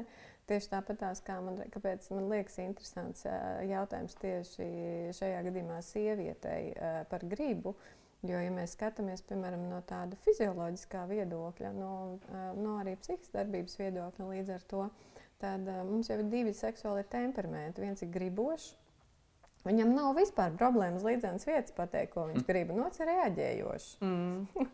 un, un tam reaģējošajam savākties. Un uzņemties atbildību par to, ka mm. es šo gribu neatkarīgi no tā, kā pret mani izturās. Tas ir tā izvēle. Es nevis nodarbināšu sevi ar to, vai es patīku vai nē, bet es nodarbināšu sevi ar droši vien iemeslu, kāpēc es vispār ar šo cilvēku esmu kontaktā. Mm -hmm. Un man nav svarīgi, vai es viņam patīku. Man ir svarīgi, vai mēs varam panākt to nu, mērķi vai kaut kā tur aizvirzīties. Un tad ir tas otra tā polaritāte, kas uh, ir, nu, ja godīgi, ļoti vienkārši jau hormonāli noteikti. Tur ar mūsu pēdējo apziņotību nav nekāda sakara. Varbūt tas, kur mūs tas ved, ir jau vairāk tāds tiešām brieduma un apziņotības jautājums, kur ir ar šo ļoti definēto gribu. Un cik ļoti es spēju empātiski uztvert, ko tā dzīve man rāda, ka varbūt visas tās manas gribēšanas man pašai nemaz nevajag tik ļoti realizēt, nu, un kad es to tā tik izteiksmīgi gribu. Kas man liekas, ir tik brīnišķīgi, cik tā daba ir paredzējusi mums katram to Mm. attīstības ceļu, nu, to individuācijas ceļu, kuru mēs neizbēgam, iesim jebkurā gadījumā. Un tad, cik mēs vērīgi būsim, kas, protams, ir jaunība, ir viens, kur mums liekas, ka uh, mēs zinām vislabāk, bet kur mēs sākam just, kā tā dzīve uz mums rezonē. Un, un, un, bet ir forši runāt ar sievieti, kura zina, ko viņa grib. jo tas, Tas nemaz tāds, nav tik populāri. tas- Vai tu zini tādas daudz? Man uh, pirms tam vēl jāapsaka, ka uh, tas ir ļoti, ļoti arī sarežģīts ceļš bijis līdz mm. uh, šim kaut kādam tādam apziņas stāvoklim, kas ietver beidzot. Uh, Tā arī kaut kāda uzņemš, atbild, atbildības mm. uzņemšanās par manu dzīvi. Jo mums ir pieredze tieši tā, atkal atgriežoties pie tā paša Latvijā, kultivēt šo pasīvās mm. sievietes tēlu. Un lūdzu, nejauksim to ar kaut kādu radikālo feminismu, ka man, mm. tas ir otrs grāvs, kā, kur mēs skatāmies uz sievieti mūsdienās. Tā, mēs pirms uh, satikšanās jautājām par dziesmu, kura asociējas ar seksu, seksuāla dziesma. Un man bija interesanti saņemt dziesmu, kura saucas Laura. jo es arī, es, kad sad- sadzirdēju, man uzreiz, es vēl, vot tāda atmosfēra, es vēl, diemžēl, jo man ļoti patika materiāls, tā- tā- talantīgs Misters Ripley, es vēl neredzēju izrādi, bet man ļoti patika filmas, kuras es redzēju, man uzreiz tāda atmosfēra, tāda, tāda tur ir kāds ot, intriga, un ir ot, šī, šī gaume, ot, kur tā, tā neuzreiz, tā, bah, kaut kas tāds, tev tā ļoti, ļoti tā, ļoti tā, ot, tur tā ļoti lēni pieskaras. ar Neviens ar plikām krūtīm uzreiz neienāk. Jā, tā. Ja es tieši domāju, tāds ka man samulsināja tas tās jautājums, un es tā kā domāju, ka pirmā asociācija tiešām visiem liekas kaut kāds Jā. tāds ritmisks, kaut kāds tur Jā, gabals. Jā, jā, jā. Bet uh, es tiešām pārdomāju, un tāda es saprotu, ka šī ir tā izvēle. Tāpēc, kad, uh, nu, labi, nu, tur ir ļoti arī personisks stāsts apakšā. Mm -hmm. Viņš asociējās ar ļoti eh, foršu tādu mm, piedzīvojumu. uh, bet, uh, Jā, vīrietis, kas man šo dziesmu parādīja, viņš Mhm. teica, tu nezini šo dziesmu. Es teicu, ka kā nē, viņš teica, tas ir no vienas 40 gadu Hollywoods filmas. Ah, Tā, kas arī saucās, un es viņu tā kā ap- viņš man mm. atsūtīja to, to, to, to muziku. Un, un, un tad, kad viņš pie manis reiz ciemojās, tad uzliku šo dziesmu, un tad tas viss vakars bija ļoti jauks. Bet arī pati dziesma ir nu, ļoti seksīga. Viņa tiešām ir Jā, tāda.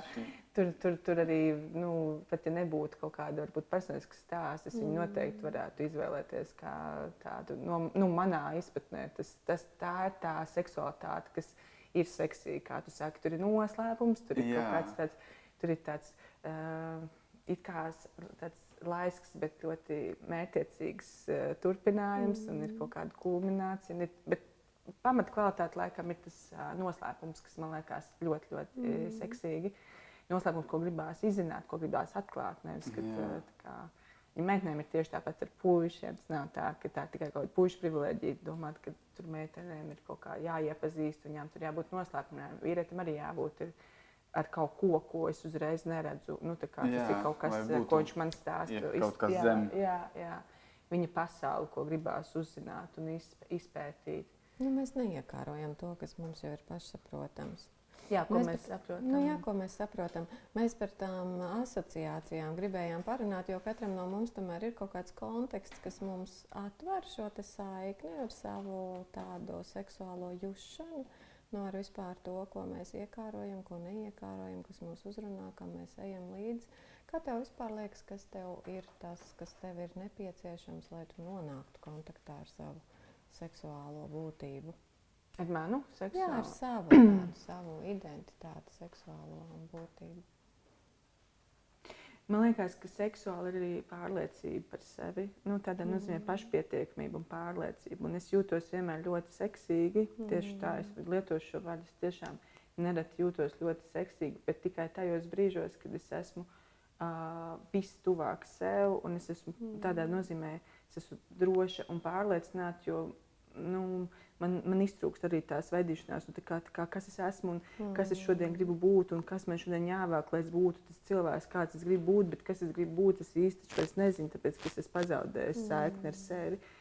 Un tas ir kā, mm, nezinu, elementāri, kaut vai dienai gatavojoties. Un tu katru dienu nu, tomēr ir individuāli. Iesāk, viņi iesākās individuāli, jo katrs tu esi savādāks, bišķiņi atkal pamodies. Un tu tieši tā no rīta sevi definē. Tu saliec, kā tu atceries, kas tu esi, tu esi aizmirsis panākt, un tu atgriezies pie sevis un sevi kaut vai ārēji tā uh, izpaudi, uzģēr to, kas tev šodien vislabāk patīk, un nezinu, tur izvēlēties šodien tur, nezinu, tādu vai tādu nezinu, papildus lietu, kas tev ir iepriecināta, un izvēlēties, nezinu, kaut kādu maršrutu, kā te uz darbu vai nomaini. Vai, vai nomainīja paredzēto mm. tikšanos ar draugu, kas varbūt šodien saprot, ir lieka, jo tu neesi šodien labākajā formā un pārliest uz rītdienu, un tā vietā izdara to, ko tu šodien un ka tu pats esi tieši tā atbildīgs par to savu. Un tad, kad es esmu saskaņā ar sevi visvairāk, un esmu sev uzticīga un, un sevi nu, ne, nu, nedaru sev pāri, uz, nu, uzspiežot kaut kādu. Nu, būsim reāli, protams, šajā pasaulē mēs visu laiku mums ir arī ļoti daudz lietas, kas mums vienkārši ir jādara. Mēs nevaram vienkārši. Es, es arī neesmu tā princesīte, kas pamostās un man tur ap, ap, virpuļo apkārt kaut kāds tur, cilvēku kopums, kas man izdabā visām manām vajadzībām. Bet tad, kad tu, nu labi, iztiksim bez visādiem praktiskiem riskiem, bet tu esi vislabāk ar sevi, tad es jūtos visseksīgāk. Mm. Un es vienkārši vienalga, kā es izskatos, vai man ir, šī tāda drēbes vai tādas, vai botus, vai augstspēļu kurpes, vai tas, vai šis, vai es eju ar kājām, vai braucu ar riteni, vai mm. vienalga. Man ir pilnīgi vienalga, es vienkārši esmu es. Un, un tad es arī uh, tad es esmu sevi visinteresantākā un, nu, un izrādās arī citiem visinteresantākā. Un, nu, jo man šausmīgi ir pieksē bieži vien tos brīžus, kad es pati sev esmu garlaicīga. Un tad man liekas, nu, kad ir tie brīži, kad, tu, mm -hmm. tie brīži, tad, kad tu runā kaut kādas, nu, tu, tu, tu, tu ieslēdz to to lidojumu režīmu sevi, ka tu vienkārši tevī nekas nekustās vairāk. Tas tā kā tu iesaistīji to. Yeah. Tevī nekas, nu, tā kā lido, tu brauc kaut kur, bet tevī nekas nekustās, pat ja tu esi kaut kādā kompānijā, bet tu, te, tevī nekas nenotiek, un tu atbildi ar kaut kādām klišēm, tu atbildi ar kaut kādiem trafaretiem, tu atbildi ar kaut kādām frāzēm. Neko neizsakošana, tu uzdod kaut kāds neko neizsakošs jautājums, tu nedzirdi, ko tev saka. Un tu jā, vienkārši esi šitāds, un tu esi super, vienkārši garlaicīgs, un tu neesi seksīgs vispār. jā, vai kā man viens draugs saka, tu atkal taisnojies. Un man ir pilnīgi skaidrs, tajā brīdī, ka es kaut ko tur tagad vienkārši manis nav. Nu, varēju arī izslēgties un iet jā. mājās, jo nav vairs ne, tur nekas. Man ir atkal okay. tas, kad es tieši pierakstēju, kad, piemēram, ir foršs vakars, es, piemēram, mm. izēju ārā. Un ir mirkli, ko es atceros perfekti mm. nu, no tā vakara. Un tam nav saistība, ka tur kaut kas baigi notika. Bet, pieņasim, es atceros, nezinu, kā nezinu, Maksims uz mani pastījās. Es redz, atceros, kādā krāsā viņam acis, zinu, kāds viņam pulkstenis. Es, es varu aprakstīt, es varu pateikt, mm. Kristīna, kas tev bija, nezinu, tur ausīs un kas tev bija kājās un ko tu man teici. Un intonācija atkārtot. Un tad ir brīži, ko es vispār neatceros. Tas ir tas pats vakars, nu, un viņš šitā, es tā ieslēdzos, izslēdzos, ieslēdzos, izslēdzos, ieslēdzos, izslēdzos. Mm. Ir kaut kādi brīži, kad man saka kaut ko, nu, mēs taču tur, un es, es ne, neatceros neko. Mm. Un atkal nākamā brīdī, kas nozīmē, ka es neesmu trenēta būt visu laiku nu, tajā klātbūtnes sajūtā. Es vienkārši, es tiešām arī apzinos, ka tā ir. Agrāk es vēl mazāk viņā biju, tagad es sev uz to trenēju un es kaut kur nogurstu, un es vienkārši izslēdzos. Aha. Uh, Nē, man īstenībā nav vērts jau to pārmest. Mēs tomēr esam būtnes, kurām ir vajadzīga pauze. un telpa pabūt iztēlē, kas mūs definē un ved tālāk, kur Bet mēs esam. Tāda būtu, es domāju, tas arī nebūtu arī tik radikāli jādara. Jo es saku tādu, ka man tāda, nu, ne jau tāds blackouts, ka es neko neatceros, bet es nevaru, nu, es nevaru neko pateikt par to situāciju. Man nav viedokļu, es vienkārši biju tā kā Uh, un tad man liekas, ka foršāk būtu to tomēr viendabīgāk arī mm. ir pauzīts. Nu, bet tu kaut kur bet, jā, bet nekultivēt to liekvārdību kaut kādas tās, kā tu sāki, tad, ja tu jūti, ka tu neesi klātesošs, tad labāk mm. iziet aplīti vienam pašam, nevis tā kā uzturēt to ilūziju. Un tad jūs brīžos es arī nejūtos seksīgi. man liekas, mm. ka tieši tā manis nebija, bija kaut kāda mūmija vienkārši klātesoša, kas kaut ko tur, tā mm. marionete kaut ko tur runā un kaut ko tur. Bet, ko, kāpēc, ko man pateica, ko atbildēja. Es vispār neko neatceros. Kā, jā. Tad droši vien noslēguma jautājums. Jā, mums uh, katram viesim arī ir tas jautājums. Uh, Kā vēlīgākais? ne, ne, varbūt viņš ir tāds visgrūtākais, uh, kāda nozīme, bet Man liekas, ka nebūs tādā gadījumā grūtākais. Uh, kā jūs varat raksturot seksuāli, seksuāli inteliģentu cilvēku? Kāds viņš ir? Seksuāli inteliģents cilvēks. Es mēģināšu tagad uzreiz, uh, lai es neiekritu kaut kādās lamatās par to, nu, kaut kāds pirmais priekšstats par tēmu, bet seksuāli inteliģents cilvēks. Uh, Nu, vispār uh, es bieži vien savā leksikā lietoju vārdu emocionāli inteliģents cilvēks. Mm. Nu, tā kā nevis uh, inte, intelektuāli inteliģents, bet emocionāli inteliģents, un tas arī seksuāli inteliģents. Tas ir cilvēks, kas uh, um, nu, vienkārši, kā mēs tikko runājam, ir klātesošs procesos. Viņš tev dzird un redz. Un seksuāli inteliģents viņš noteikti.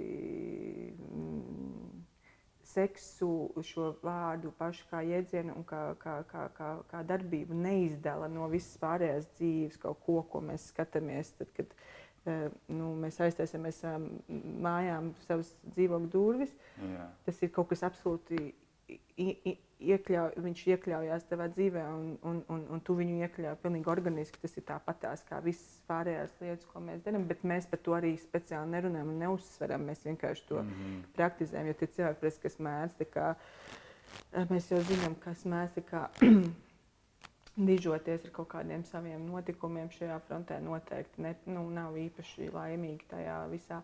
Uh, un noteikti, kas nekautrējās uh, nu, kā, nu, būt viņi ar savām vajadzībām. Ja man vajadzība ietver, pieņemsim, tev pieskarties un tevi apķert, es ceru, ka tev tas nav nepatīkami, bet es to daru, tāpēc, ka man ir šī vajadzība, es to daru no sirds un man patīk, tad uh, es to sev neliedzu un es atļauju tos izdarīt un es sev necenzēju attiecībā uz šīm darbībām.